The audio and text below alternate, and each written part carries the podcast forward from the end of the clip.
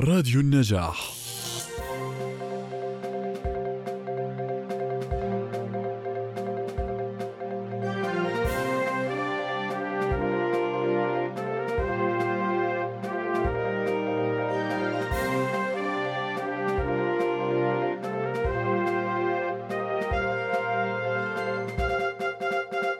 إلى هذه الندوة النقاشية ويسعدني أن أكون معكم اليوم في هذه في هذا النقاش التي الذي ينظمه ال- ال- ال- الرابطة العربية للتربويين التنويريين والذي سيكون المحور الرئيسي له هو المسؤولية الاجتماعية للدين.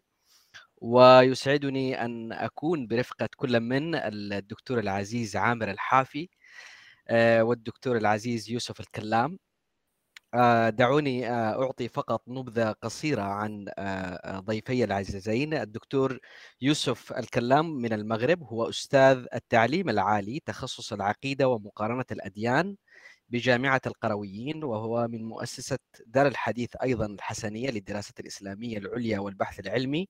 من بين مؤلفاته مقارنات بين اليهودية والإسلام تراث اليهودية وأهميته في التفسير آيات الصيام أنموذجا العناية الإلهية إلهام الروح مدخل إلى دراسة اليهودية المصادر الدينية اليهودية عرض ونقد القراءات الحداثية للقرآن الكريم ومناهج نقد الكتاب المقدس وهي دراسة تحليلية نقدية تاريخ وعقائد الكتاب المقدس بين إشكالية التقنين والتقديس دراسة في التاريخ النقدي للكتاب المقدس في الغرب المسيحي.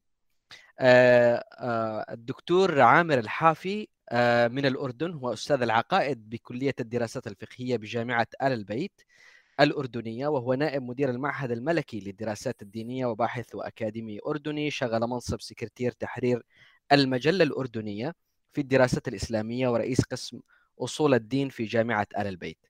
من أهم مؤلفاته ابن رشد في اللاهوت المسيحي ومحبة القريب في الإسلام والأصوليات في الأديان الأحزاب السياسية في إسرائيل العبادات في الأديان مقدمة التلمود البابلي نظرة الإسلام للأديان الأخرى الإسلام والأديان من الحوار إلى الأصولية. ودعني أضيف أيضا بأنه آه، كان مشارك أيضا رئيسي في مشروع المسؤولية الاجتماعية الدينية الذي نفذته مؤسسة أديان ونتج عنه الدليل الإرشادي في المسؤولية الاجتماعية الدينية. آه، أرحب بكم جميعا في هذه الجلسة. آه، قبل البدء أود التذكير بأن هذه الجلسة ستكون لمدة ساعة كاملة. آه، ستكون مقسومة إلى قسمين. في الجزء الأول سيكون هناك مداخلات رئيسية من السادة الضيوف وفي النصف الساعة الثانية سيكون هناك نقاش أيضا بين الضيوف والحاضرين. نبدأ معك دكتور عامر. المسؤولية الاجتماعية للدين كيف يمكن أن نفهم نقارب نطبق هذا المفهوم العام؟ تفضل كلمة لك. بسم الله الرحمن الرحيم وأصلي وأسلم على المبعوث رحمة للعالمين وعلى آله وصحبه أجمعين. آه، سعيد أني أكون معكم في هذه الأمسية الحوارية وخاصة أنه أيضا الدكتور يوسف والأستاذ أحمد وعبيدة وعبد الله يعني إخوة أعزاء فالحوار كأننا نجلس في بيت واحد يعني كأننا يعني فعلا آه، أسرة واحدة وفي بيت واحد. آه، لا شك أن موضوع المسؤولية الاجتماعية هو موضوع معاصر وهذا المصطلح هو مصطلح نتج عن آه، تطور المجتمع الغربي نحن نتحدث عن المؤسسات والشركات وما يتبعها من التزامات تجاه المجتمع تجاه البيئة تجاه العمل فاذا الحديث هو عن مصطلح له سياقه الغربي وله دلالاته في هذا السياق ولكن الحقيقة آه، أن العلاقة ما بين الدين والشأن الاجتماعي عموما هي المدخل الذي أعتقد أننا يجب أن ندخل منه للحديث عن هذا الموضوع. وبالتالي النقطة الأساسية أن الخطاب الديني هو في جوهره خطاب اجتماعي. يعني سواء كنا نتحدث عن مفهوم العبادة سواء يعني إياك نعبد وإياك نستعين أبانا الذي في السماء اسمع يا إسرائيل هذه صيغة الجمع في الخطاب الديني هي دائما ما تشعر بأن الخطاب الديني يتوجه بالأساس نحو يا أيها الناس يا أيها الذين آمنوا إذا الجماعة هم المستهدفون أو المستهدف الأساسي من الخطاب الديني. آه، النقطة الثانية أن الخطاب الديني والخطاب الإسلامي هو جزء من خطاب ديني عريض وواسع وأن هذا الخطاب أحيانا كثيرة ما يبتعد عن مسؤوليته الاجتماعية ما يبتعد عن التزاماته الاجتماعية ويحلق بعيدا عن المجتمع ولذلك نحن نجد الكثير من الخطابات الدينية التي إما أن تجذب الدين بعيدا عن الواقع وإما أن تجعل الدين هو رقم من أرقام الواقع أو جزء من الواقع التعيس أو يعني من مشكلات الواقع. فإذا هذه الحالة آه، حالة الدين الاجتماعي أو الدين برسالته الاجتماعية هي حالة آه، عامة. كونفوشيوس على سبيل المثال شعر بهذه المشكلة وكان في جدل مع لاوتسي الفيلسوف الصيني مؤسس الديانة التاوية الذي كان حسب ما يقول كونفوشيوس كان دائما يحلق فوق السحاب تنين يحلق فوق السحاب ويبعد عن إدراكه. إذا هذا النوع من التدين الفلسفي الفردي هو تدين على حساب المجتمع.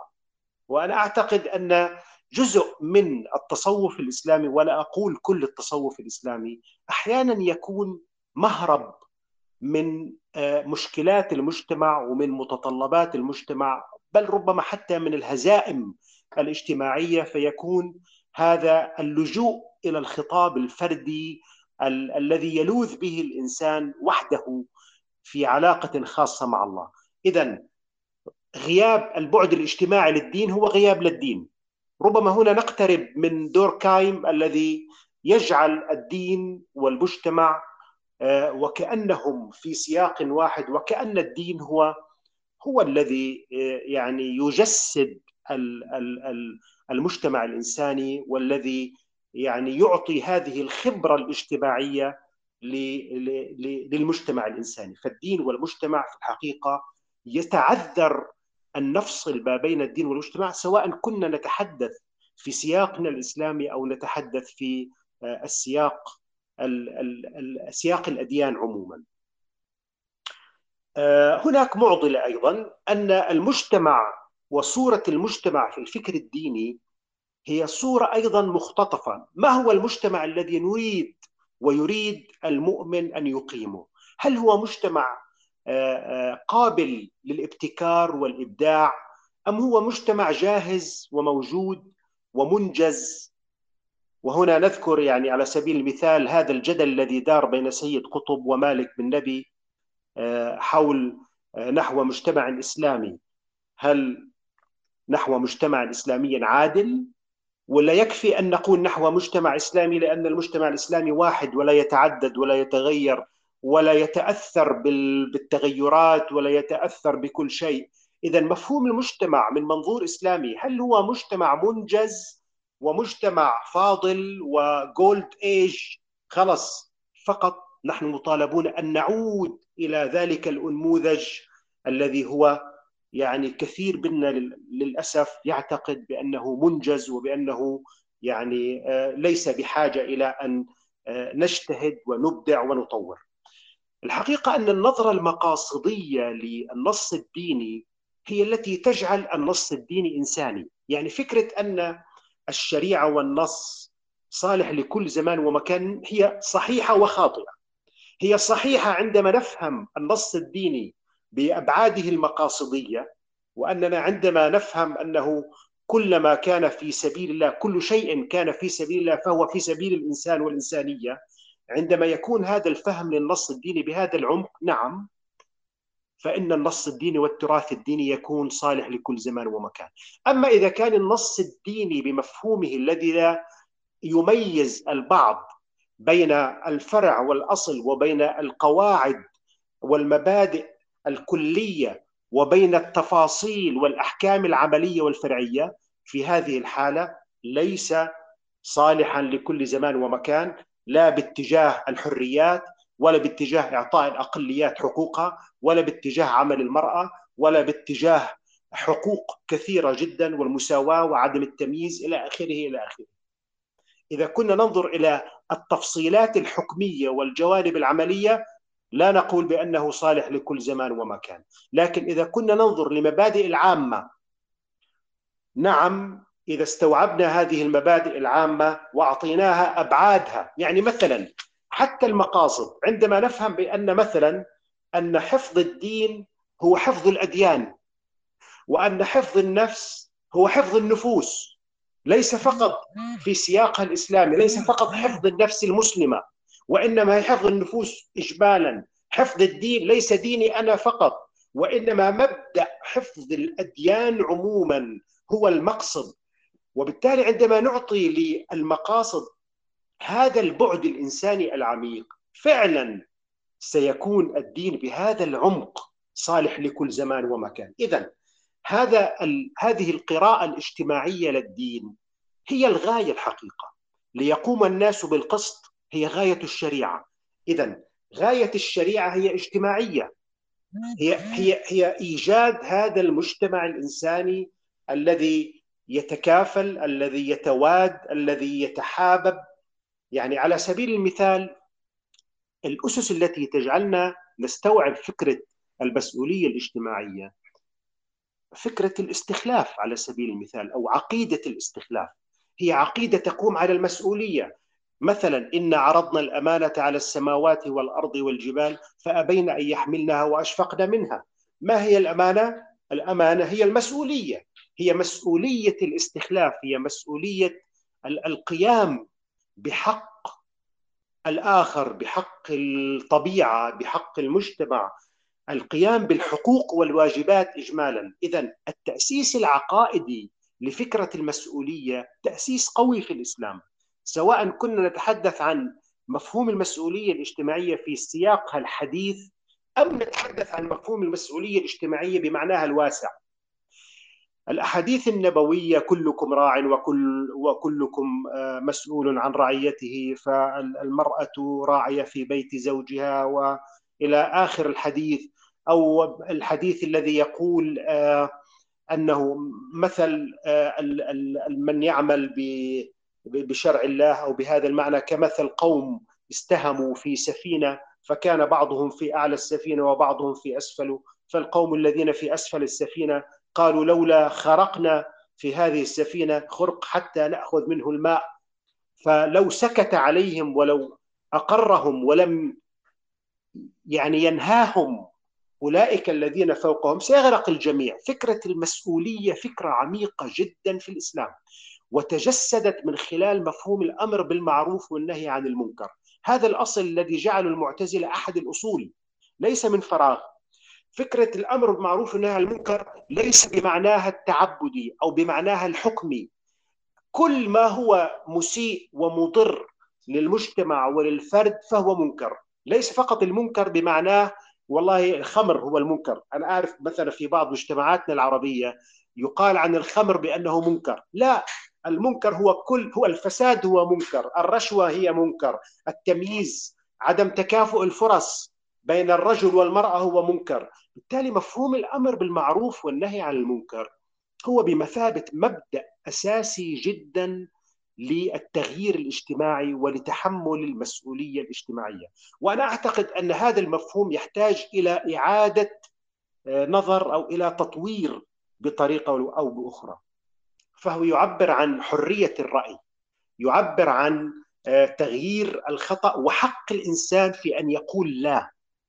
إذا مفهوم الأمر المعروف والنهي عن المنكر هو من المفاهيم الأساسية التي تؤسس للمسؤولية الاجتماعية. آه، يعني على مستوى تفصيلي الزكاة على سبيل المثال وأحكام الزكاة والصدقات وأنه تؤخذ من أموالهم من أغنيائهم فترد على فقرائهم. هذا التوازن فيما يتعلق بمفهوم الزكاة والعلاقة ما بين الأغنياء والفقراء ومن يملك ومن لا يملك. أنا بعتقد إنه نموذج الزكاة يعطي مثال جميل جدا في الإسلام على مسألة التضامن وعلى على مسألة من من يعطي ومن يقدر ومن لا يقدر. لكن هذا المفهوم كذلك الحال يحتاج إلى توسيع. مفهوم الزكاة على سبيل المثال ما زال بعض ال ال ال بعض الخطابات الدينية تمنع الزكاة لغير المسلم مثلا. يقول لك مثلا إذا غير المسلم لا لا يؤخذ من لا, لا يعطى من الزكاة. فقط هي تقصر على المسلمين وتقتصر على المسلمين. مفهوم الزكاة لابد أن يتم توسيعه كذلك الحال ليكون بمثابة يعني جزء من هذه المسؤولية جزء من الأمن المجتمعي جزء من الاقتصاد المعاصر الذي يوازن ما بين الفجوات الطبقية في المجتمع فلا يترك الأغنياء يعني يغتنون. كما يقول الإمام علي ما اغتنى غني بغير حق إلا وافتقر فقير. اذا الزكاة هي هذا الضامن الاقتصادي الاجتماعي الذي يحد من الفجوات الطبقية كي لا يكون دولة بين الأغنياء منكم. وعلى هذا الأساس مخرجات النظام الرأسمالي وما نتج عنه من فكرة المسؤولية الاجتماعية ربما كان لن نصل نحن إلى هذه النقطة لتكون الشركات اليوم في العالم لديها مسؤولية اجتماعية من باب ربما تحسين صورة الشركة وتحسين الأداء الاقتصادي للشركة. المطلوب ليس أن يكون هدف وغاية المسؤولية الاجتماعية هي المردود المادي للشركة وبالتالي هنا يدخل مفهوم إنما نطعمكم لوجه الله لا نريد منكم جزاء ولا شكورا هذا المفهوم الايماني يتحرك في مساحة تختلف عن المعايير المادية. المعايير المادية مطلوبة وهي جزء من هذه المنظومة التي نتحدث عنها. ولكن في المقابل لا لا يجوز أن يكون الغاية المادية للشركة هي الهدف من القيام بالمسؤولية الاجتماعية. فالمؤسسة أو الشركة تقوم بهذه المسؤولية تجاه المجتمع تجاه البيئة تجاه مؤسسات رعاية لاجئين أيتام إلى غير ذلك. ليس بمقتضى فقط مصلحة الشركة ولتكون هذه الشركة أكثر جاذبية لأصحاب الأسهم ولرؤوس الأموال الجديدة.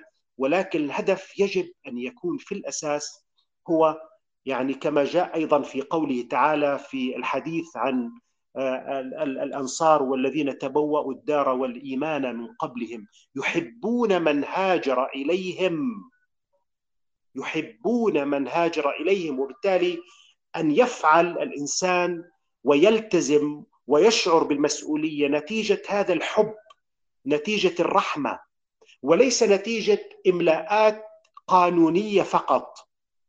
بهذه الحالة أنا أعتقد الدين يدخل بعمق. العمق القيمي للدين هو ما نحتاجه اليوم. أنا أعتقد أن انشغال الخطاب الديني اليوم بالصراعات السياسية أو بالجهة الأخرى بتبرير النظم السياسية إحنا بين نارين يا إما ذهب الفكر الديني تجاه تبرير وتسويغ النظم السياسية أو بالاتجاه الآخر تبرير وتسويغ معارضة النظم السياسية. وفي النتيجة كلا الاتجاهين يدور في نفس الحلقة أي هي حلقة الغرق في مستنقع الواقع السياسي الصعب الذي نعيشه. ما نريد فعلا وأنا أختم كلامي بهذه الفكرة بأن التركيز في الخطاب الديني المعاصر يجب أن يكون قائما على أساس القيم الأساسية الإنسانية الجامعة التي لا تتحدث عن خير المسلم. وإنما تتحدث عن خير المجتمع لا تتحدث عن خير الأغلبية المسلمة. إذا كانت أغلبية مسلمة لها الحق أن تفرض وجهة نظرها على أقلية غير مسلمة. هذا نوع من تشريع استبداد الأغلبية. إذا نحن بحاجة إلى قيم أو كما جاء يعني في في الإنجيل يعني آه، آه، كما كما تكيل يكال لكم. أنك بالمكيال الذي تكيل للناس يكال لك به. فنحن بحاجة إلى قيم متبادلة مشتركة. نحن نؤمن بها وهي من مصلحة الجميع. لا نريد أن نتحدث عن قيم إسلامية أو قيم مسيحية. هي تفصل بحسب احتياجات أو مصالح هذه الفئة أو هذا الدين أو ذلك الدين. نحن أحوج ما نكون إلى تفجير القيم الإنسانية في تراثنا وإعادة النظر في هذا التراث من هذه الزاوية وبارك الله فيكم وإن شاء الله هيك يعني نستمع للحوار وإذا كان في إضافة إن شاء الله أثناء الحوار. شكرا جزيلا لك دكتور عامر على كل ما تفضلت به. آه، تحدثت عن كثير من النقاط ولكن أذكر منها الخطاب الديني في جوهره هو خطاب اجتماعي يتعدى مفهوم الجماعة، الخطاب الديني هو جزء من خطاب عريض جدا في داخل آه، مختلف الخطابات التي نسمعها، ذكرت موضوع المجتمع المنشود، هل هو مجتمع جاهز أم هو مجتمع لابد أن يستمر في عملية التطوير والإبداع بشكل مستمر؟ آه، النظرة المقاصدية باعتبارها آه، جوهر الدين الإنساني. ربما آه، عبارة الإسلام صالح لكل زمان ومكان وهذه ربما مقدمة لحديث الدكتور يوسف لاحقا. فصلت ما بين المبادئ والأحكام مقاصد الدين وتجاوزها لفكرة الجماعة. ربما ذكرت عقيدة الاستخلاف وكيف أنها تؤسس بالمعنى العقائدي لفكرة المسؤولية الاجتماعية. آه، الأمر بالمعروف والنهي عن المنكر وفكرة أنه يتعدى الجزء التعبدي أو المسار التعبدي. آه، الزكاة باعتبارها ربما فريضا تحقق نظرية اجتماعية أو نظرية توازن اجتماعي اقتصادي آه، عرجت على موضوع التوظيف السياسي إن كان ضد السلطة أو مع السلطة وغياب التوازن والمسؤولية الحقيقية في هذه الخطابات للأسف. وختمت بموضوع الخيرية المتعدية للجماعة آه، أشكرك على كل ما تفضلت به. آه، دعوني أنتقل للدكتور يوسف آه، ربما ذكر الدكتور عامر نقطة صلاحية الدين لكل زمان ومكان ربما هذا حديث فيه الكثير من النقاش. نود أن نستمع إليك حول هذا الموضوع وكيف يمكن مقاربته بما يتوافق مع مقتضيات العصر. تفضل. شكرا جزيلا. بسم الله الرحمن الرحيم. والصلاة والسلام على المبعوث رحمة للعالمين محمد وعلى آله وصحبه أجمعين. شكرا للرابطة التي دعتني للمشاركة في هذا في هذا اللقاء العلمي وأنا سعيد جدا لأنني أحضر فيه مع فضيلة الأستاذ الدكتور عامر عدنان الحافي الذي لدي به معرفة سابقة. ولعلنا نتذكر بفضل الرابطة ما جلستنا في على شاطئ المحيط الأطلسي. نعم. الهرهورة. شاطئ الهرهورة. في شاطئ الهرهورة نعم. وأشكر الإخوة عبيدة وعبد الله و أمين أيضا الذي يسير هذا الاجتماع. كما قال آه، أن موضوعي سيكون حول كيف يكون الإسلام دينا لكل مجتمع وعصر. وقد ذكر قبل قليل فضيلة الأستاذ عامر أن هل هذه المقولة صحيحة؟ آه، وأنا أتفق معه هي صحيحة وغير صحيحة. صحيحة لكونها إذا ما اعتبرنا الإسلام بمقاصده الكبرى بنصه المؤسس وربما قد لا يكون أحكام بعض أو بعض أحكام الإسلام صالحة لكل زمان ومكان باعتبار تطور المجتمعات وأن الأحكام تخضع لسياقات آه، معينة نتجت عنها هذه الأحكام. فلا بد إذا من التمييز بين النصوص المؤسسة في الإسلام وموجهاته الكبرى وكلياته وبين جزئياته وفروعه والأحكام المستنبطة من هذه النصوص المؤسسة. إذا الثابت الصالح لكل زمان ومكان هو ذلك النص المؤسس الذي نزل على رسول الله صلى الله عليه وسلم وهو القرآن الكريم والذي والمتغير هي تلك الأفهام التي نفهمها وتلك الأحكام التي نستنبطها من ذلك النص آه، المؤسس. وإذا كان الإسلام آه، دينا أو نظاما بمعنى أنه آه، يضم كل ما كل ما يشتمل عليه النظام عموما من قطاعات اجتماعية وسياسية واقتصادية فحق لي أو حق للمحكومين بهذا النظام أن يسائلوا أيضا هذا النظام الذي يحكمه.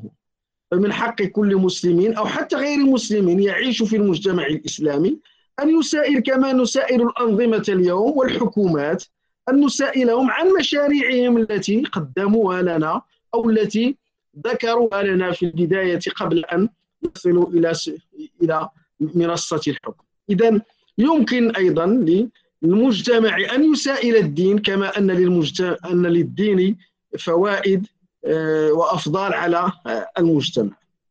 إذا قلت آه، يحق لكل متدين أن يتساءل وأن يسأل عن الأمور التي لا يراها مناسبة في مجتمعه. والقرآن الكريم مليء بجدر سأل يسألونك يسألون اسأل دائما هناك سؤال وهناك آه، جواب. الإسلام كغيره من الأديان يقوم كما قلت على نصوص مؤسسة ومبادئ عامة موجهة هي موضوع النظر والفهم والاستنباط. وعنها تنبثق الأحكام المنظمة للحياة العامة السياسية والاقتصادية والاجتماعية. ويكاد المسلمون يجمعون على أن الإسلام صالح لكل زمان ومكان وهي مقولة لا شك تحتاج إلى تفسير وبيان. إذ المقصود أو ما المقصود بها؟ فإذا كان المقصود بالإسلام نصوصه المؤسسة ومبادئه الكلية باعتبارها محلا للنظر في كل زمان ومكان فهذا بدون شك معتقد كل مسلم. أما إذا كان المقصود بالصلاحية صلاحية تلك الأحكام الفقهية المستنبطة من تلك النصوص المؤسسة والمبادئ الكلية التي تم النظر فيها في زمن معين بآليات معينة وفي سياقات معينة وظروف معينة فهذا بدون شك أمر غير مسلم به دائما.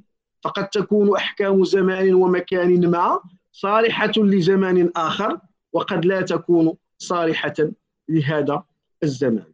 لذلك نتساءل كيف يمكن للإسلام أن يكون صالحا لكل زمان ومكان؟ أقارب هذه المسألة في أو في أربعة نقاط.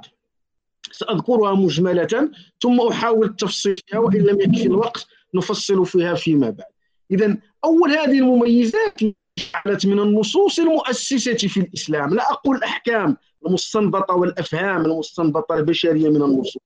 وإنما المميزات التي يتميز بها القرآن باعتباره نصا مؤسسا في الإسلام أول مسألة أو أول ميزة هي مرونة النص القرآني وقابليته للأنظار والأفهام المتعددة. وهو ما عبر عنه آه، ابن عباس وأيضا علي بن أبي طالب لما قال القرآن ذو وجوه. أو لما قال علي بن أبي طالب لا تخاصمهم بالقرآن فإن القرآن حمال أوجه. بمعنى أن القرآن يحتمل أو نصوص القرآن تحتمل الأفهام المتعددة. إذا اللفظ المشترك الذي يستعمل في عدة معان وهو المقصود بالوجه هنا أيضا يدل على سعة المفردات والنصوص الموجودة في القرآن الكريم واتساع آياته لوجوه من التأويل مع الإيجاز. وهذا من معجزات القرآن الكريم أي أنه يبقى دائما قابلا لأن ينظر فيه في كل مرة. فالمرونة إذن تعني أن النص القرآني بخلاف النصوص الدينية المقدسة السابقة ربما نص ذو وجوه مفتوح على كل القراءات والتأويلات بطبيعة الحال القراءات والتأويلات العلمية لا الإيديولوجية وإلا أصبحنا في تسيب أو في تمييع للنص. ولكن نحتاج إلى ذلك عندما تعارض هذه أو ظواهر هذه النصوص واقعا أو محل تنزيلها. وهذا ثابت تاريخيا منذ عصر النبوة واختلاف الصحابة فيما بينهم في فهم النصوص واختلافهم أيضا مع النبي صلى الله عليه وسلم في فهمها وعنها عن هذه الأفهام ظهرت المذاهب والاتجاهات الفقهية. وبهذا يكون تعصب تعصب العلماء المسلمين لآرائهم لا يقوم على أساس لأن آه، وجود الرأي والرأي المخالف لا يؤثر في النص المؤسس بقدر ما هو وجهة نظر كل فاهم لهذا النص. ولعل تمسك بعض علمائنا وفقهائنا باجتهادات السابقين راجع إلى قاعدة تقول الاجتهاد لا ينقض بمثله أو بالاجتهاد. بمعنى أن اجتهادا إذا سبق اجتهاد في مسألة معينة لا يمكن أن ننقض هذا الاجتهاد باجتهاد ثاني وأنا أرى أن القاعدة لم تفهم وإن كانت هي في الأصل صحيحه ولكنها لم تفهم لأن القاعدة هنا قضائية أكثر مما هي فقهية. بمعنى أننا إذا حكمنا في مسألة معينة وفق اجتهاد معين لا يجوز لنا أن نفتح النقاش في هذه القضية مرة أخرى إذا ظهر اجتهاد آخر. ولكن إذا طرأت قضية جديدة شبيهة بالأولى لا نحتكم للاجتهاد الأول إذا وجد اجتهاد جديد. والله عز وجل قال وداود وسليمان إذ يحكمان في الحرث إذ نفشت فيه غنم القوم وكنا لحكمهم شاهدين ففهمناها سليمان وكلنا آتينا حكما وعلما. إذا هذه القضية لو بت فيها داود لا يجوز لنا أن نبت فيها من جديد باجتهاد سليمان. ولكن إذا جاءت قضية شبيهة وتبين لنا أن اجتهاد سليمان عليه السلام أفضل من اجتهاد داود نأخذ الحكم باجتهاد آه، سليمان. أنا لا أريد أن أطيل لأن لدي نماذج في هذه القضية وأخذت منها نموذج يتعلق ب آه، بمسألة آه، الاجتهاد في العدة في قضايا المرأة وأيضا اجتهاد آخر في مفهوم العدل في قول النبي صلى الله عليه وسلم أو قول علي بن أبي طالب لا أذكر جيدا ولكن ربما قول النبي صلى الله عليه وسلم يرويه علي بن أبي طالب لا يقتل المسلم بالكافر أو لا يقتل المسلم بذمي هل يمكننا أن نعيد النظر في هذا الاجتهاد؟ إذا هل هل يقتل المسلم؟ فيقول فقهاؤنا إذا قتل المسلم الكافرة أو الذمية آه، عمدا يؤدي الدية كاملة وإذا قتله خطأ يؤدي نصف الدية ولا يحكم عليه بالقصاص كما هو الشأن لو قتل مسلما. وهذا التمييز يحتاج منا إلى إعادة نظر خصوصا أن مفهوم العدل اليوم أصبح مفهوما غير المفهوم السابق. وإلا كنا آه، أو حدث معنا كما حدث مع بعض الأحكام عند بني إسرائيل التي عابها القرآن عليهم. سأختصر. وأنتقل إلى الميزة الثانية التي تجعل من إذا قلنا أن النص أن النص القرآني نص مرن. هذا الذي يجعله صالح لكل زمان ومكان قابل للنظر وإعادة النظر. النص القرآني ثانيا النص القرآني نص تجديدي بامتياز. نص متجدد بامتياز. نص داع إلى التجديد ورافض إلى التقليد أو رافض للتقليد. إذ أن الحديث عن خاصية مرونة النص تقود بالضرورة إلى القول بالاجتهاد. فالنص المرن نص صالح للاجتهاد فيه لفهمه وإدراك معانيه. ولا شك أن الاجتهاد في النص يحتاج أيضا إلى معرفة بمقاصده الكبرى وكلياته الأساسية والتي من أجلها جاء هذا النص. فيما يخص مجال الفروع والجزئيات. فهذه الأخيرة تستنبط أحكامها على ضوء المقاصد والكليات. ولا يكون الإسلام دينا صالحا لكل زمان ومكان إلا بتجدد أحكامه. ولا تتجدد الأحكام إلا بالاجتهاد. ولا يحصل الاجتهاد إلا بإعادة النظر في الأحكام السابقة الصادرة في القضايا القديمة لمعرفة مدى استمرار صلاحيتها من جهة في هذا العصر والنظر من جهة أخرى في المستجدات التي فرض العصر والبحث ولعل آه، قولا الإمام الجويني رحمه الله في البرهان لما قال السابق وإن كان له حق الوضع والتأسيس والتأصيل فللمتأخر الناقد حق التتميم والتكميل. وكل موضوع على الافتتاح قد يتطرق إلى إلى مبادئه بعض التثبيج ثم يتدرج المتأخر إلى التهذيب والتكميل فيكون المتأخر أحق أن يتبع لبيعه المذاهب إلى ما حصل عليه السابق تأصيله.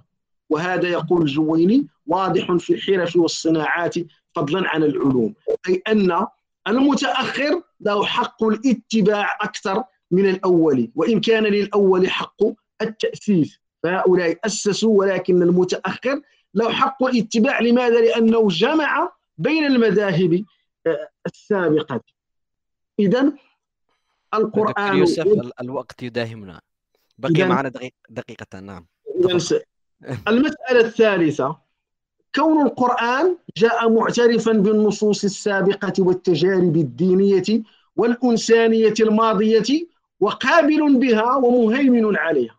دعانا إلى الاستفادة من هذه التجارب التي عرفتها الأمم السابقة. ليس بالضرورة أن نقع في الأخطاء نفسها حتى نعيد حتى نجتهد أو حتى نعدل من من أمورنا. يمكننا أن نستفيد من ما سبق. الله عز وجل قال بعدما قص قصة يوسف لقد كان في قصصهم عبرة لأولي الألباب ما كان حديثا يفترى. أي أن من خصائص هذا الدين الذي يجعله صالحا لكل زمان ومكان أنه يستفيد من تجارب الأمم السابقة أو الحضاره الحاضرة أو الموازية للحضارة الإسلامية. النقطة الرابعة هو أن الإسلام نزل في أمة أمية لا أحكام مسبقة لديها قليلا ما نتساءل لماذا لم ينزل الإسلام في بني إسرائيل كما كان العهد من قبل ولكن الله عز وجل قال هو الذي بعث في الأميين رسولا. ما معنى في الأميين؟ ما يفسر قول الله تعالى وقل للذين أوتوا الكتاب والأميين أسلمتم. بمعنى الأمي في مقابل الكتاب ليس الأمي بالمفهوم الذي يمكن أن يقال. كون القرآن نزل في أمة ليست لها أحكام مسبقة هذا جعل النص مفهوما بشكل أكبر. لأنه لو نزل في الذين لهم أحكام مسبقة ستؤول أو سيؤول النص وفق المعتقدات السابقة وأختم بقولي لذلك الإسلام في نظري أكون مخطئا تقدم مع المسلمين لما كانوا أميين لما أصبحوا أهل كتاب تقدم مع الفرس الذين ليست لديهم خلفية ثم تقدم في الأندلسي ثم تقدم في فارس. إذا دائما يحتاج إلى أن نحتاج إلى أن نتخلص من الأحكام المسبقة التي نقرأ بها النصوص. ونحن كثيرا ما نقرأ الآن آيات من القرآن الكريم ونفهمها بفهم السابقين. تحجبنا أفهام واجتهادات السابقين على أن نفهم النص وفق واقعنا ووفق الظروف والسياق الذي نعيشه. أكتفي بما قلت وأعتذر لأنني لم أكن أعرف كم مدة الوقت التي سأحاضر فيها أو سأتحدث فيها إلا قبل بداية هذا اللقاء. إذا شكرا لكم وأرجو أن يكون كلامي واضحا رغم اختصاري. شكرا. شكرا شكرا جزيلا لك دكتور يوسف. يعني شملت كثير من النقاط في وقت قصير جدا. أعرف أن الوقت كان ضيقا ولكن ربما كل النقاط شملت في فيما طرحت. تحدثت ولكن يعني أعيد ما قلته أو أعيد أهم النقاط الذي التي ذكرتها عن الفكرة الرئيسية لصلاحية الإسلام في كل زمان ومكان.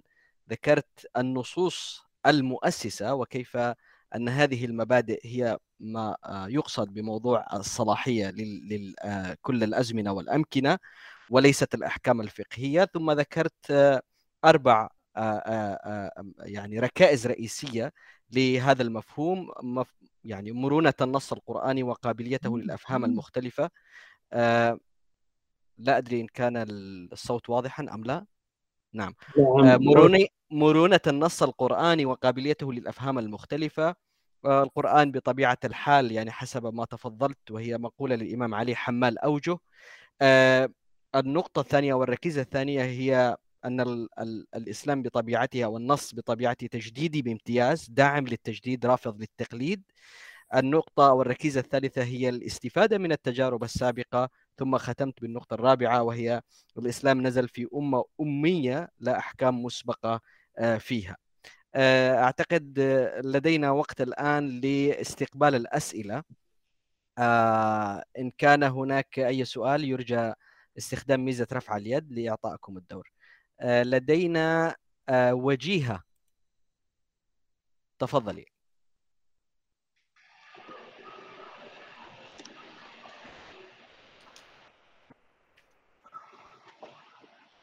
وجيهة تسمعيني؟ تفضل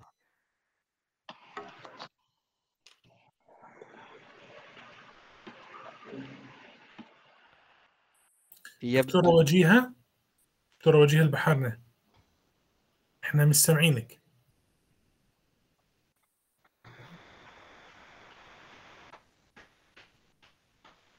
نحن نسمع صوت البحر. ما دام بحارني في صوت بحر يعني. طبعا. طيب.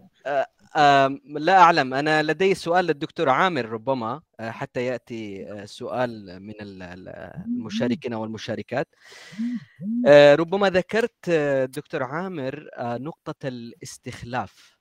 باعتبارها نقطة مؤسسة لفكرة المسؤولية الاجتماعية. ولكن هناك مشكلة لها علاقة بفكرة أننا خير أمة تؤخذ عادة بمفهوم الفوقية.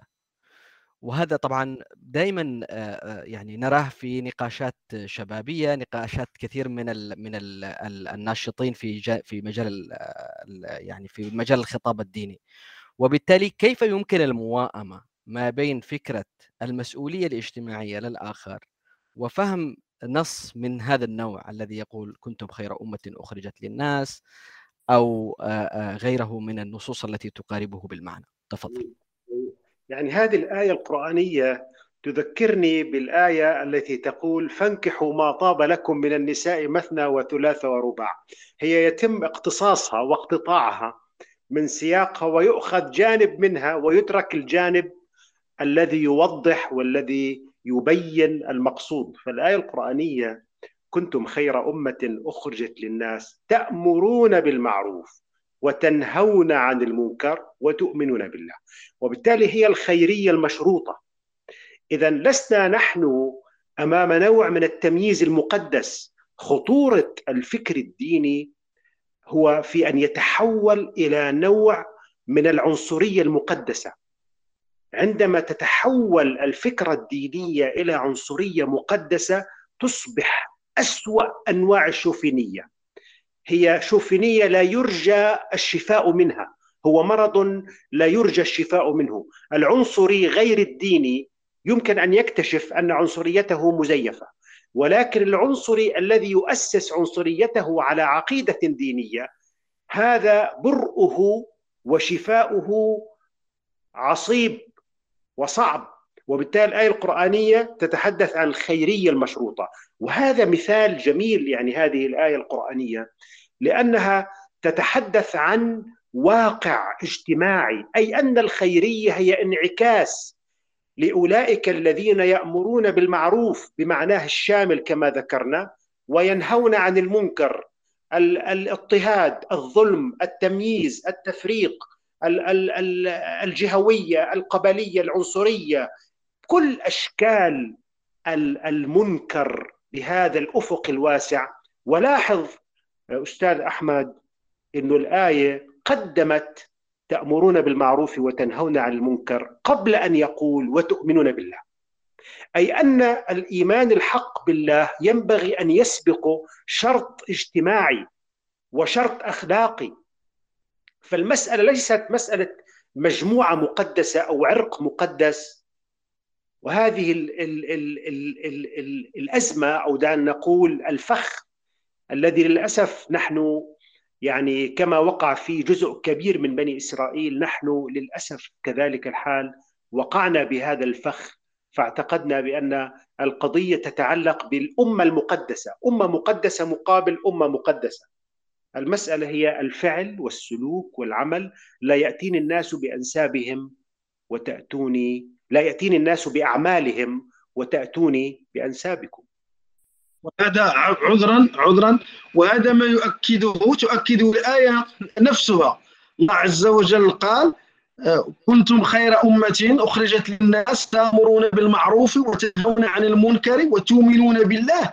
ولو آمن أهل الكتاب لكان خيرا لهم. إحالة على أولئك الذين ظنوا أنهم شعب مقدس دون أمر بالمعروف دون نهي عن المنكر دون إيمان بالله. إذا وكأن الله تعالى يقول لنا لا تقعوا فيما وقع في أولئك. ولو آمن أهل الكتاب لكان خيرا لهم منهم المؤمنون وأكثرهم الفاسقون. إذا تنبيه لم ننتبه إليه. وقعنا كما ذكر الأستاذ قبل قليل في مثل ما وقع للأسف ولم نستفيد من تجارب السابقين. شكرا جزيلا لك دكتور عامر دكتور يوسف. آه، دكتور دكتورة وجيهة صارت معنا. السلام عليكم. وعليكم السلام. الصوت مسموع الآن. نعم, نعم. تمام. آه، السلام عليكم ورحمة الله وبركاته. شكرا للمتحدثين آه، الكريمين. على ما تفضلا به من خلال هذه الندوة. آه، وأود التعليق على ما ذكره الدكتور عامر الحافي فيما يتعلق بالمسؤولية الاجتماعية. المسؤولية الاجتماعية حقيقة للدين عنوان كبير جدا ويضع كل إنسان تحت المسؤولية. يعني لا يمكن أن يكون ال ال الإنسان سواء كان امرأة أو رجل أو في أي مكان من العالم إلا ولديه مسؤولية ربانية وهي تحمل الأمانة كما ذكر وأيضا الاستخلاف في الأرض. والحرص على أن يكون له دور مهم في تنمية المجتمع وفي تطوره. لكن للأسف نرى أن المسؤولية الاجتماعية انحصرت في أصبح لدينا فقط عندما نسمع المسؤولية الاجتماعية فهي تساوي المسؤولية الاجتماعية للشركات. ولكن لا يأتي في أذهاننا أننا كلنا مسؤولون عن عن هذا الشيء. ولذلك يجب آه، يعني لفت النظر إلى أن ما تقوم به الشركات كما تفضل الدكتور عامر آه، أنها في معظم الأحيان تكون يعني مسؤولية فقط لتلميع الصورة أو للإسهام في المجتمع وغيره ولكن حقيقة ما نحتاجه نحن أن ننشر هذه القيمة الكبيرة التي نحن مكلفون بها بالدرجة الأولى من من قبل الله سبحانه وتعالى. آه، فيما يتعلق أيضا ب بالمعايير الدينية آه، نحن دائما نتكلم عن القيم الإنسانية العابرة للأديان وللمذاهب وللطوائف. يعني يجب أن تكون هذه هي الدعامة التي نرتكز عليها.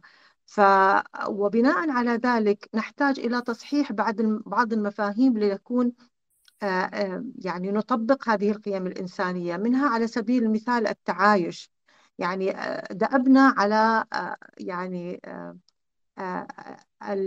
الدعوة إلى التعايش بين بين الأديان، التعايش بين الناس، وهذه لفظة فيها جانب سلبي وهو أن التعايش كأنما هو يجب أن أقصر نفسي على التعايش مع مع الآخرين، بينما هو يجب أن يكون شيء من من الداخل. وأختم هذه المداخلة فيما تفضل به أيضا الدكتور حول حول الزكاة وأذكر سمو الأمير الحسن كان يدعو إلى الصندوق العالمي للزكاة منذ أكثر من 25 سنة أو 30 سنة. ولا يزال هذا المشروع أو المقترح يعني لم يتم للأسف يعني تنفيذه وإلا لا اختصر الطريق على على الكثيرين. وشكرا لكم. شكرا لك دكتورة وجيهة. لا أدري إن كان هناك تعليق من الدكتور عامر. ما قالته الدكتورة وجيهة هو وجيه. بالتالي يعني اسما وفعلا الحقيقة.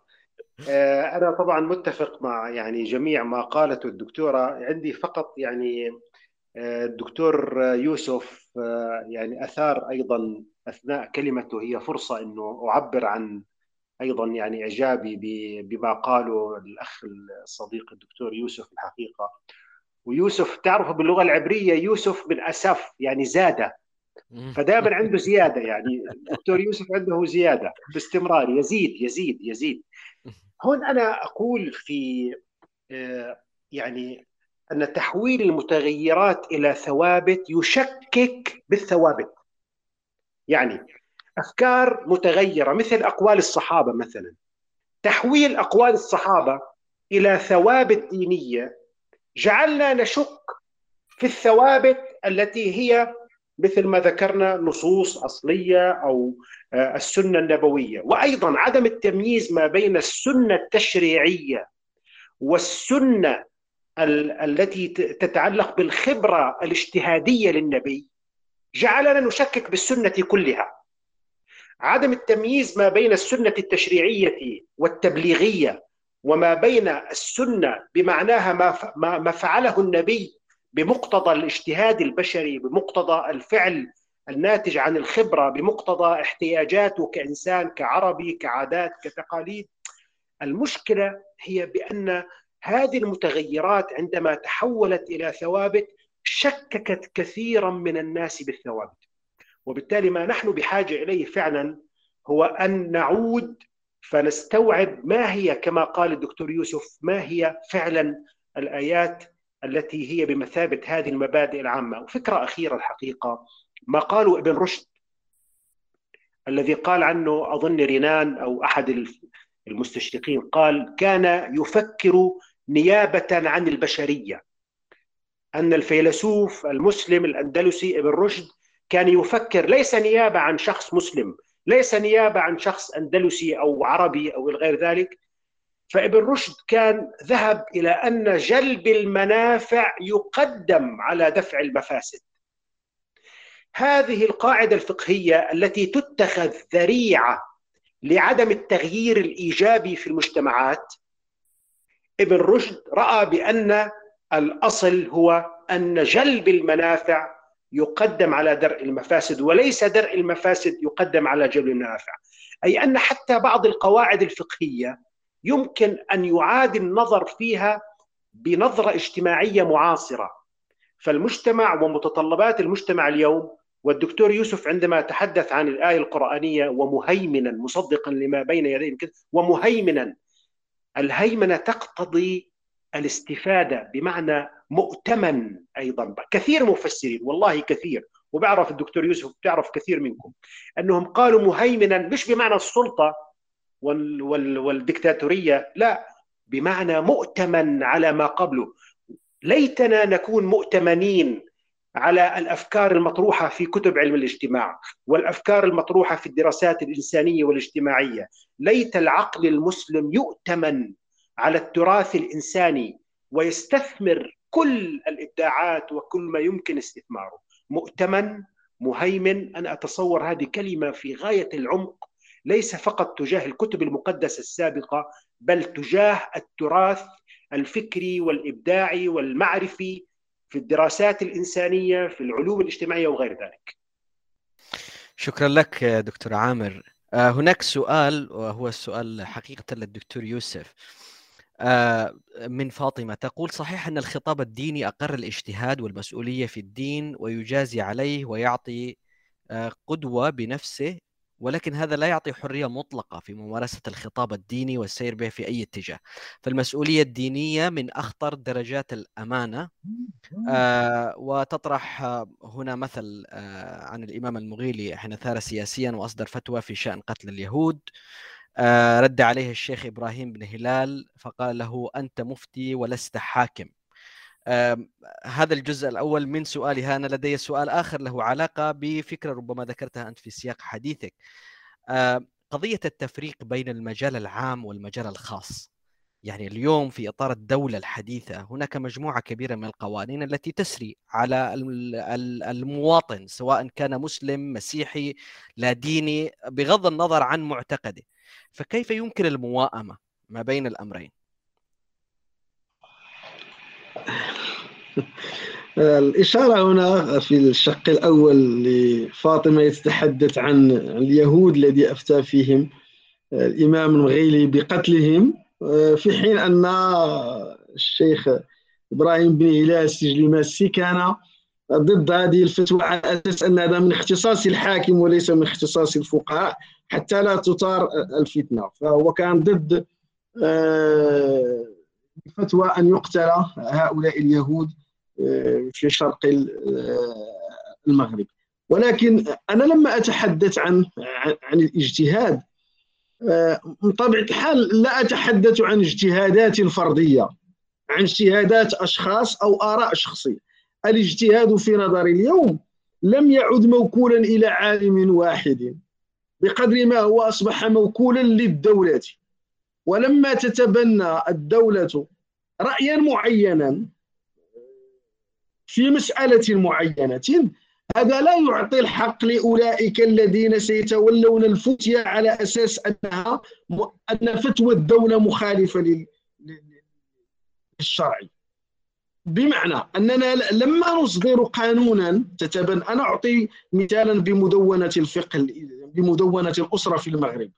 رغم أنها استمدت من الفقه المالكي ومن بعض المذاهب الفقهية الأخرى لا زال بعض فقهائنا اليوم وأساتذتنا وعلمائنا لا لا يحتكمون إليها على أساس أنها ليست بين قوسين من شرع الله ليست هي لا تمثل الشريعة.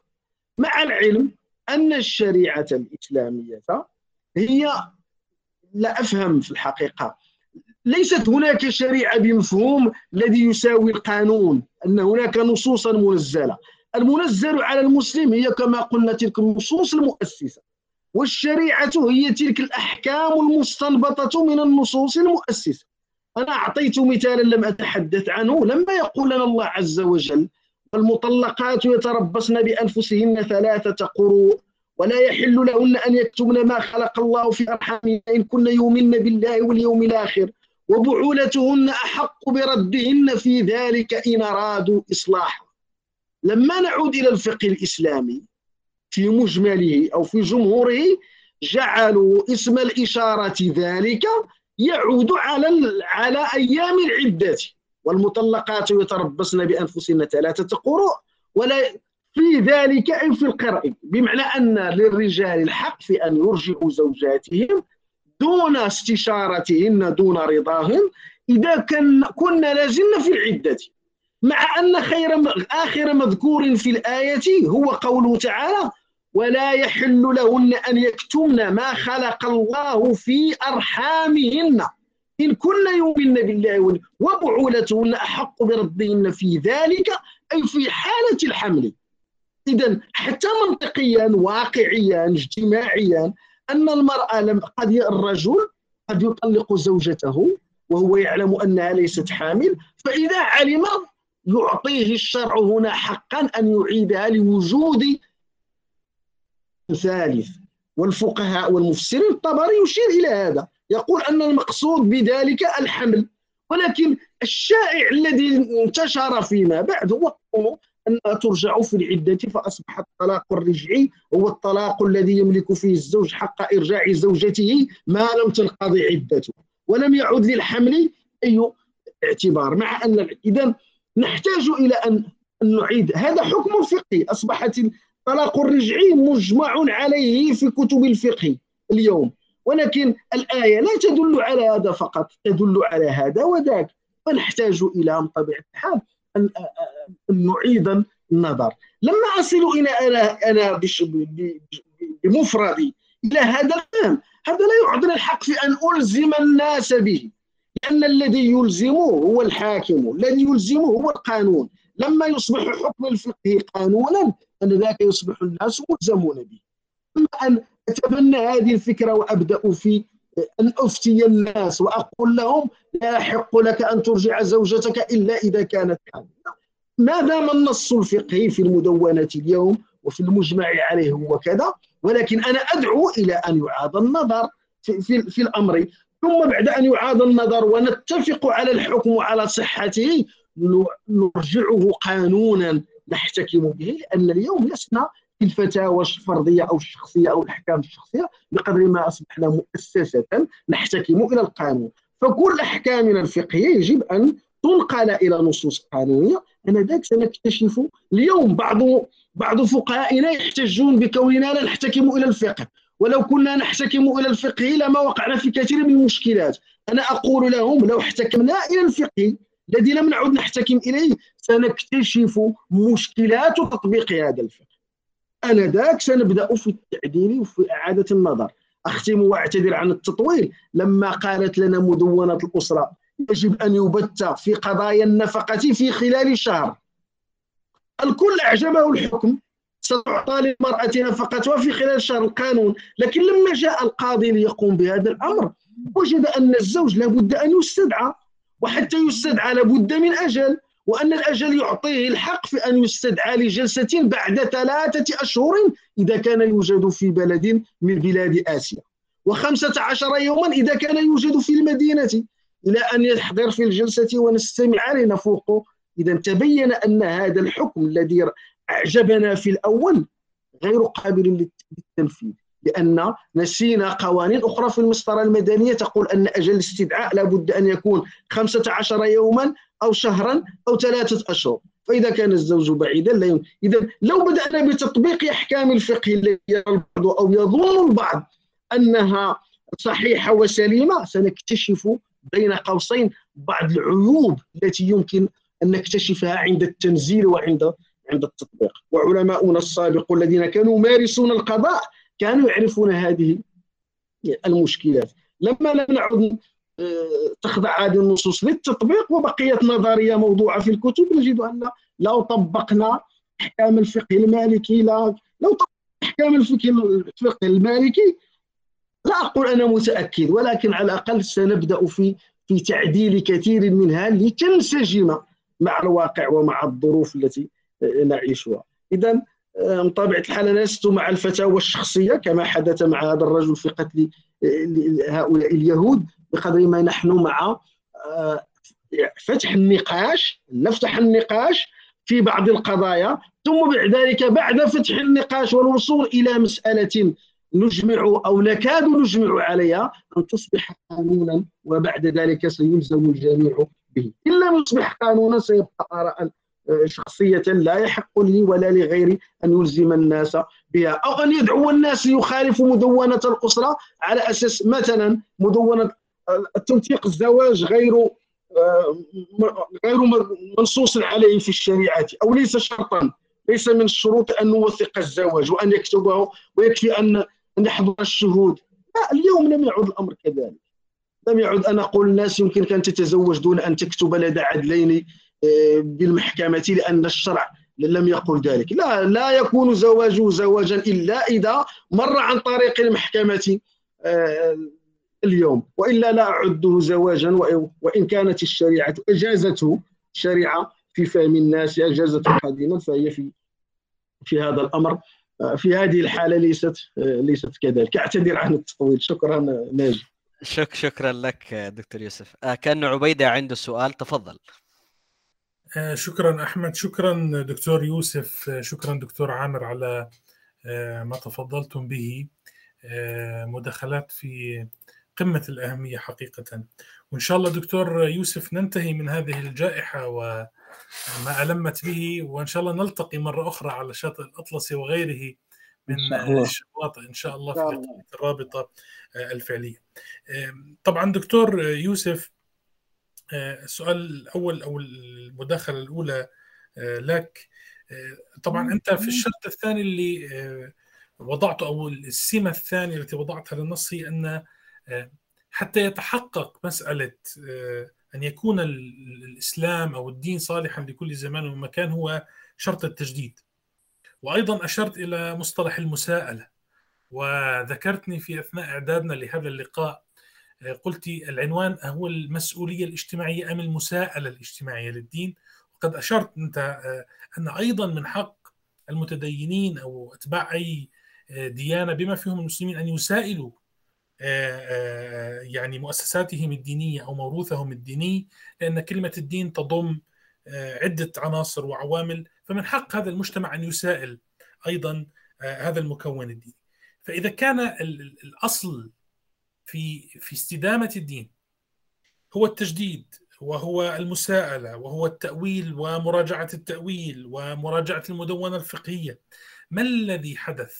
وما الذي يقف اليوم عائقا حقيقيا أمام هذه الحركة من التجديد، اليوم هناك يعني الذين يدعون إلى تجديد المدونه الفقهيه وإن كان يعني بجهد المقاصد مثلا ومداخل بعض ال بعض ال الاجتهادات التي سبق وقد قدمها الأوائل أيضا يعني ليست اجتهادا حديثا بحتا هناك ممانعه عنيفة. ما الذي يحدث؟ كيف لنا أن نذهب في إطار أن يصبح التجديد والمساءلة وضرورة الاجتهاد والتعديل في هذه المدونات الفقهية وغيرها من التشريعات الدينية والقانونية التي لها جذر ديني كيف لنا أن يصبح جزءا من حياتنا الثقافية أو إنتاجنا المعرفي والأكاديمي ليتحول بعد ذلك إلى قانون. برأيكم كيف نتجاوز هذه المعضلة؟ دكتور عامر في نفس الإطار ذكرت أن الأمر بالمعروف والنهي عن المنكر هو أحد أهم أشكال المسؤولية الاجتماعية. اليوم مصطلح يعني يوم كان الأمر بالمعروف أقل حمولة لكن النهي عن المنكر لديه حمولة عنيفة داخل موروثنا الديني هناك هيئات كانت للنهي عن المنكر وتعلم ما الأدوات التي كانت تستخدمها. هناك تفسير للنهي عن المنكر أنه قد يصل إلى مسألة اليد والتدخل باليد وأن جماعة ربما مجموعة من الناس تستطيع أن تقوم بهذا التدخل.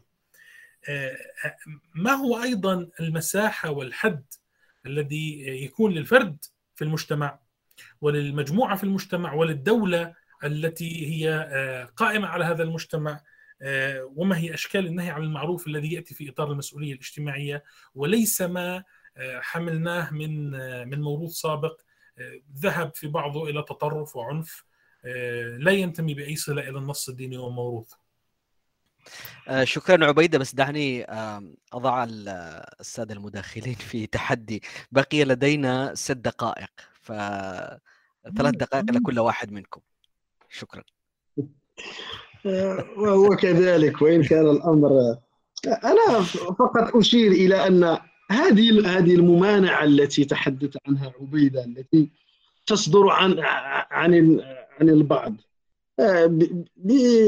باختصار هي هي ليست أصيلة في الإسلام.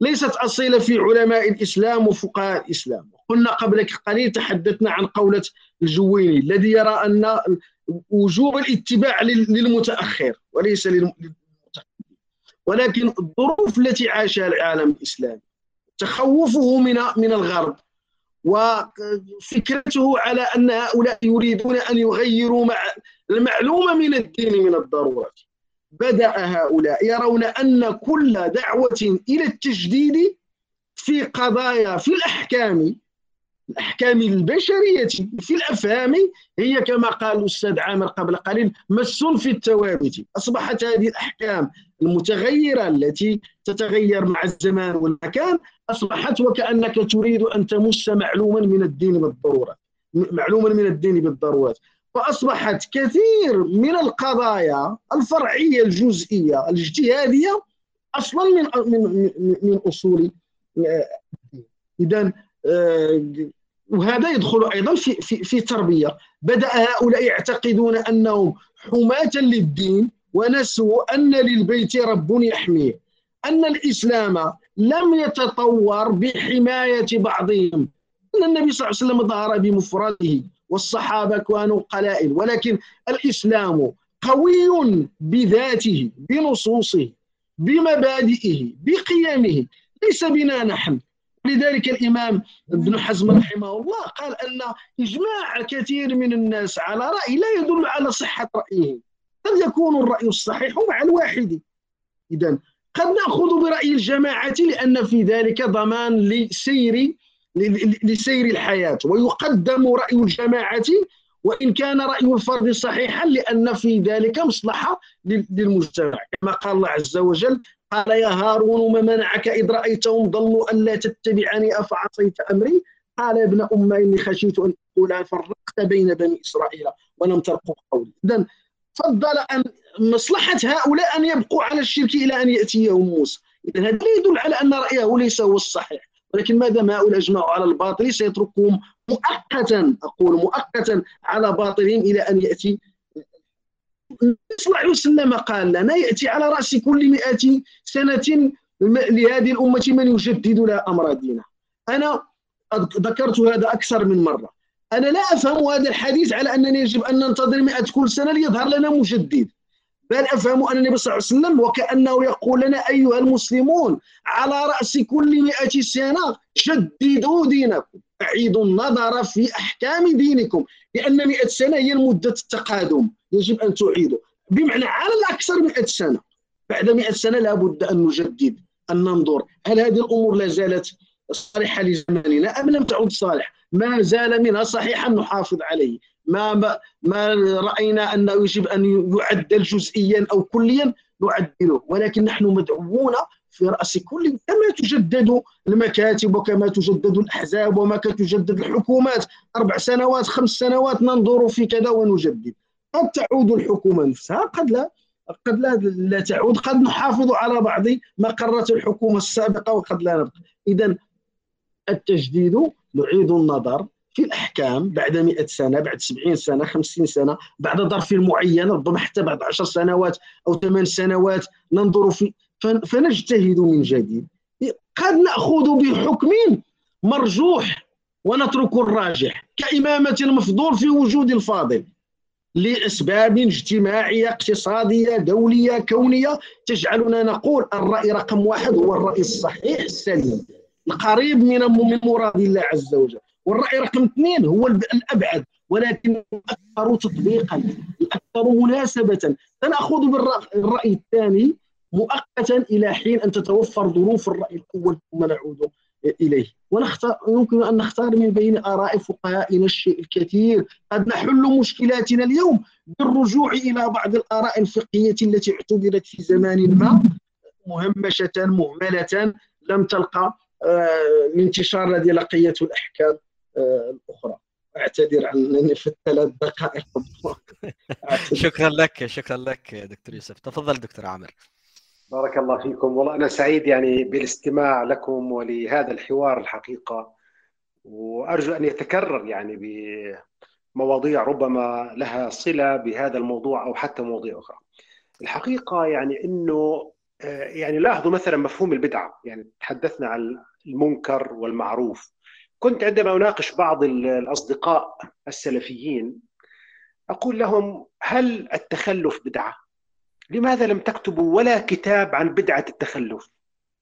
هي فقط بدعة السبحة، يعني أنتم مشكلتهم المسبحة هاي هي اللي مدمر الدنيا أما التخلف ليس بدعة، ما في حدا منكم كتب عن بدعة التخلف بدعة يعني انظر مثلا كم من براءات الاختراع الآن تسجل باليابان تسجل حتى في في الكيان الصهيوني. يا سيدي براءات الاختراع معروف. هذا من المعروف. أمر بالابتكار والاختراع وتسجيل براءات الاختراع. هذا من المعروف والأمر بالمعروف. المنكر له ألف وجه. صحيح أن هذا المعنى قد تم اختطافه كما تم اختطاف مفهوم الشريعة كما تم اختطاف مفهوم الحدود. كما تم اختطاف مفهوم الوسطية. يعني كثير من المصطلحات للأسف تم أخذها وصبغها. يعني انظر القران الكريم عندما يقول يعني في قوله تعالى قول معروف ثم يقول خير من صدقة يتبعها أذى. يعني الكلمة الطيبة الكلمة الطيبة معروف عمل الخير معروف السلام على الناس معروف. يعني كل ما فيه خير للناس وأنا يعجبني هذه العبارة يعني ربما أنهي بها كلامي أن كل ما كان في سبيل الله فهو في سبيل الإنسان. فالله عز وجل غني عن العالمين وما جعله الله أمر في كتابه وفي شرائعه إنما هو من أجل الإنسان. أما هو الله عز وجل فلا يحتاج إلينا في شيء.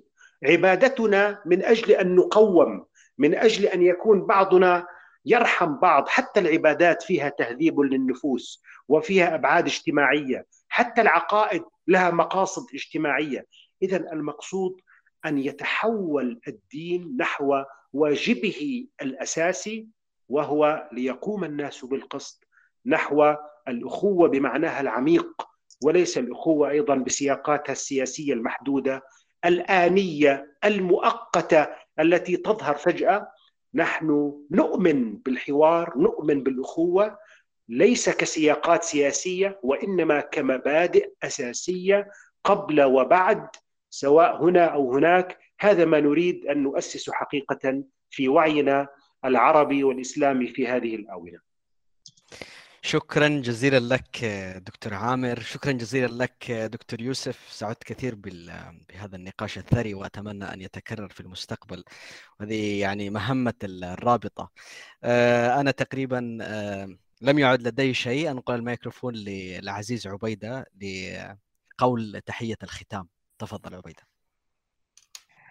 شكرا شكرا لكم جميعا. شكرا أخوي أحمد على إدارة هذه الندوة وبراعتك فيها.